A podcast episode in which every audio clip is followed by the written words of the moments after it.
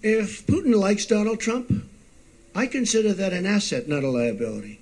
Dalam konferensi pers pertamanya dalam hampir enam bulan, Trump mengatakan meskipun Putin mendukung pencalonannya dari calon Partai Demokrat Hillary Clinton, ia akan lebih kuat menghadapi pemimpin Rusia itu di panggung dunia ketika ia mulai menjabat minggu depan. Do you honestly believe that Hillary would be tougher on Putin than me? Does anybody in this room really believe? Give me a break. Trump mengatakan, apakah Anda yakin Hillary Clinton lebih kuat daripada saya? Yang benar saja, ia menyangkal punya kepentingan finansial di Rusia dan mengatakan, saya tidak punya kesepakatan di Rusia, tidak akan terjadi kesepakatan, tidak ada hutang di Rusia. Ditanya mengenai peretasan komputer yang diyakini pejabat intelijen Amerika diperintah oleh Putin, Trump mengatakan Putin seharusnya tidak melakukannya.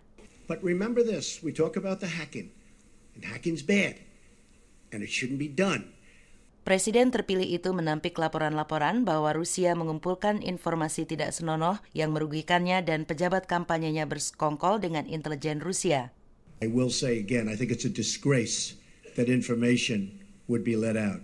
Trump mengatakan, saya kira memalukan bahwa itu dirilis. Semuanya adalah berita palsu, tidak terjadi. Berdiri di depan 10 bendera Amerika dan menghadap 250 wartawan, Trump mengumumkan bahwa dua putranya yang sudah dewasa, Donald Trump Jr. dan Eric, serta salah seorang pimpinan Trump Organizations, akan menjalankan kepentingan bisnis globalnya dengan aset kepemilikannya yang besar dalam sebuah perwalian, meskipun bukan dana perwalian bebas, di mana ia tidak mengetahui kepemilikannya apabila ia menjadi presiden tanggal 20 Januari. Mereka tidak akan membahasnya dengan saya, kata Trump mengenai putra-putranya. Saya menyerahkan wewenang sepenuhnya kepada putra-putra saya. Konferensi pers terakhir Trump adalah 27 Juni ketika ia memulai komentarnya dengan mengecam saingannya Hillary Clinton karena berbulan-bulan tidak berbicara kepada pers. Sudah 235 hari sejak Hillary Clinton mengadakan konferensi pers kata Trump ketika itu, dan Anda sebagai wartawan menurunkan laporan-laporan yang bagus mengenai Clinton, harus bertanya sendiri mengapa. Presiden-presiden Amerika yang paling modern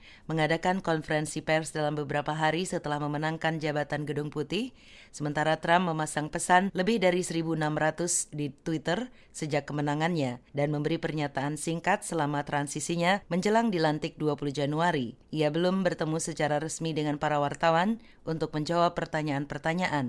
Trump punya banyak kepentingan bisnis di Amerika dan di luar negeri. Lapangan golf, hotel, bangunan kantor, dan produk-produk konsumen menimbulkan pertanyaan mengenai pengaturan bisnisnya, sementara ia menjalankan pemerintahan Amerika dan membuat kebijakan. Pejabat etika yang bekerja untuk Presiden Barack Obama dan pendahulunya Presiden George W. Bush mengatakan jika tidak menempatkan aset-asetnya yang besar dalam dana perwalian yang tidak bisa dia atur, maka itu akan membuatnya terbuka pada pertanyaan yang berulang-ulang apakah kebijakan yang diambilnya sebagai presiden tidak akan menguntungkan kepentingan finansialnya.